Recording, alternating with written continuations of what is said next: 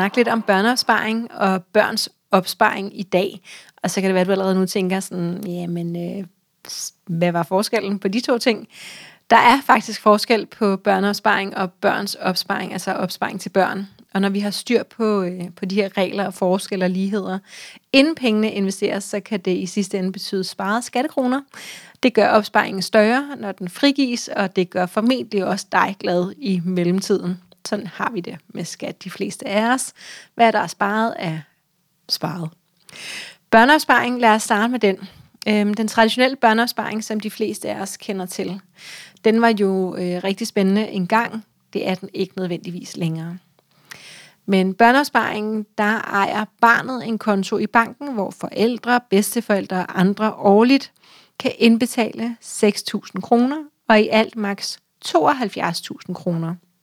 Hvis der bliver indbetalt 6.000 kroner årligt, så kan man altså kun gøre det i 12 år. Så hvis vi nu starter, når barnet er 0, og børneopsparingen løber ind til de er 21, så er det kun de første 12 år, vi har mulighed for at indsætte penge. Sådan er der regler for det meste. Den traditionelle børneopsparing øh, er attraktiv, fordi at det positive afkast, der måtte være, er skattefrit, uanset hvilke værdipapirer vi investerer i. Og nu antager jeg allerede, at vi investerer. Det er jo ikke sikkert, at vi gør det. Gennem banken så er det muligt at få tilknyttet et depot, hvor at børneopsparingen kan investeres. Det er noget, vi selv aktivt skal gøre. Vær opmærksom på, at nogle banker, banker de øh, kun vil investere børneopsparing i bankernes egne puljer, mens det hos andre banker er muligt for os selv at vælge mellem øh, forskellige slags værdipapirer, altså enkeltaktier, dansk forvaltet fonde og de internationalt forvaltede ETF'er, som også er fonde. Vi skal øh, betale et depotgebyr til bankerne, og vi skal også betale kortage hver gang, at der bliver handlet frem og tilbage.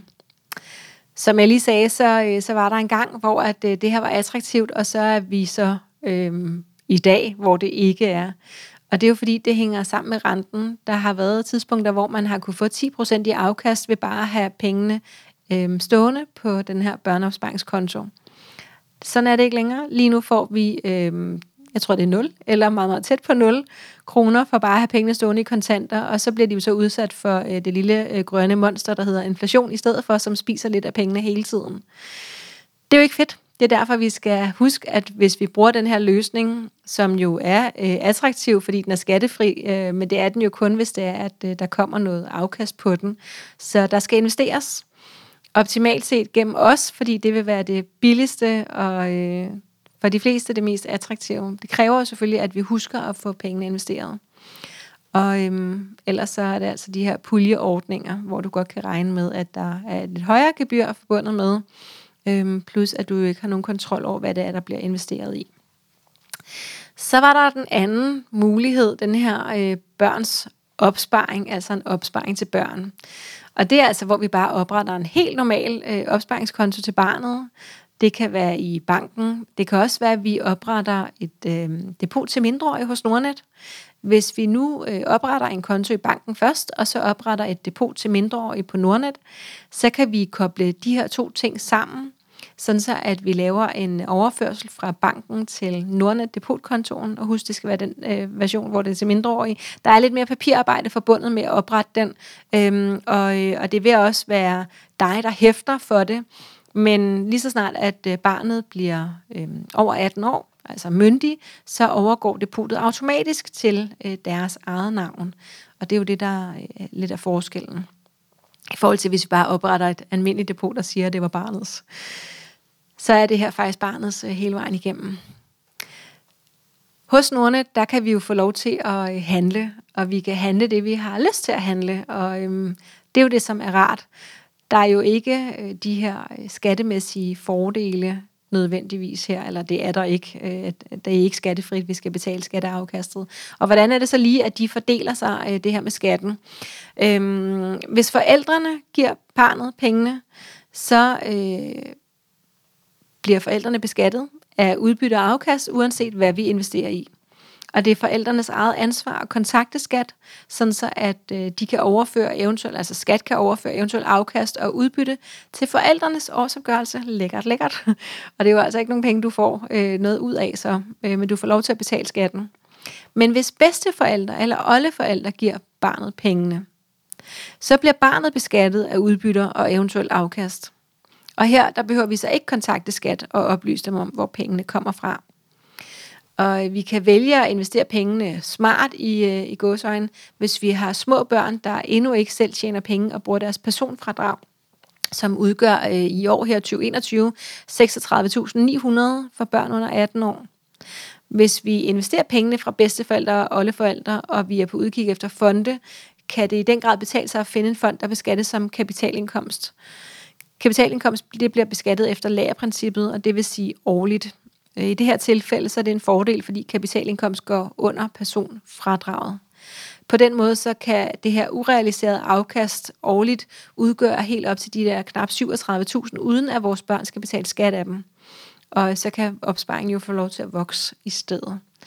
Hvis afkastet fra pengene fra bedsteforældrene udgør mere end de her 36.900, så kan det bedre betale sig at investere det overskydende i aktieindkomstbeskattede værdipapirer.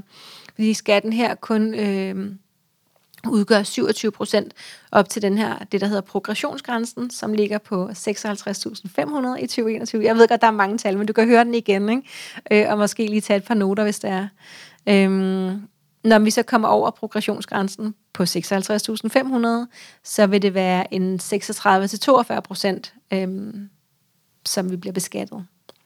Hvis andre giver barnet penge, nu er jeg for eksempel moster øh, til, øh, til adskillige små øh, rollinger, og også faster til en enkelt, og øh, det kunne også være en kusine eller andre, men altså nogen, som ikke går i lige linje til barnet, og selvom det kan føles sådan.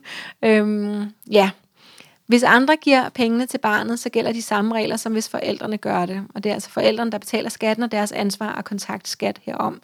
Og øh, det er måske derfor, at det er meget fair, at øh, hvis vi gerne vil give aktier og penge øh, til øh, andres børn, at vi så lige går igennem forældrene, fordi det er altså dem, der hænger på skatten. Øhm, ja, så det synes jeg måske er okay. Hvordan finder vi så de her kapitalindkomstbeskattede fonde? Og det kræver lidt forarbejde at finde svar på det her. Drejebogen her. Ikke? En tommelfingerregel siger, at akkumulerende danske fonde samt udenlandske ETF'er, der ikke fremgår af skats i godsøjne positiv liste, beskattes som kapitalindkomst. Og derudover så beskattes obligationsbaserede fonde, og det er altså fonde, som har en obligationsandel på over 50 procent. De bliver også beskattet som kapitalindkomst. Så det gælder altså om at finde enten en ETF, der ikke er på positivlisten, eller en dansk fond, som er akkumulerende og ikke er på listen hvis du ikke helt øh, er op for the task, altså synes, at det her det lyder som det mest spændende i hele verden, så er der jo altid til shortcut, at du spørger ind i Aktieklubben Danmark, for der sidder altså nogen, som er deciderede eksperter efterhånden i det her med øh, opsparing til børn, uanset om det er den traditionelle form eller den ikke-traditionelle form. Ja, så spørg ind i Aktieklubben Danmark, hvis du gerne vil slå en lille genvej.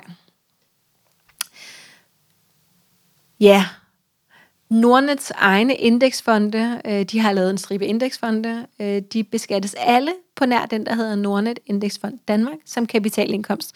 Dem kan vi også købe. Det, at de har en relativt lav OP, altså årlige omkostninger i procent, og øh, heller ikke koster øh, kotage, altså handelsomkostninger, hvis vi øh, køber dem inde på månedsopsparing især. Heller ikke på salg. Øh, og så øh, holder det sammen med, øh, at vi det er gebyrfrit at have et depot hos Nordnet. Det gør det til en ret attraktiv investeringsmulighed. Det, man lige skal vide om Nordnets egne indeksfonde, det er, at øh, de adskiller sig lidt fra andre indeksfonde. Øh, så vidt jeg har forstået, så er de syntetiske. Det vil sige, at de følger udviklingen i forskellige papirer, men ikke ejer de forskellige papirer. Igen, spørg ind i Aktieklubben Danmark, hvis du er i tvivl om det mindste af det, jeg lige har sagt. Sparinvest, øh, de har også den fond, der hedder Sparindex Globale Aktier Minimum Risiko, akkumulerende, KL. Øhm, den bliver også beskattet som kapitalindkomst. Den her fond, den kan købes gennem banker og øh, på Nordnet øh, til en de fleste steder rimelig kortage. Så hvad er det, vi skal huske? Mm, på den traditionelle børneopsparing er eventuel afkast skattefrit. Husk for guds skyld at investere pengene nu øh, er jeg jo øh, ret optaget af investering. Jeg hedder Sara Ophelia Møs, hvis, jeg ikke, øh, hvis du ikke fangede det. Jeg har de sidste fire år brugt rigtig meget af min tid, nærmest det hele, på at snakke om investeringen. Jeg har en niæse, øh, og til hende så havde jeg så tænkt, det kunne være rigtig fint at oprette en børneopsparing.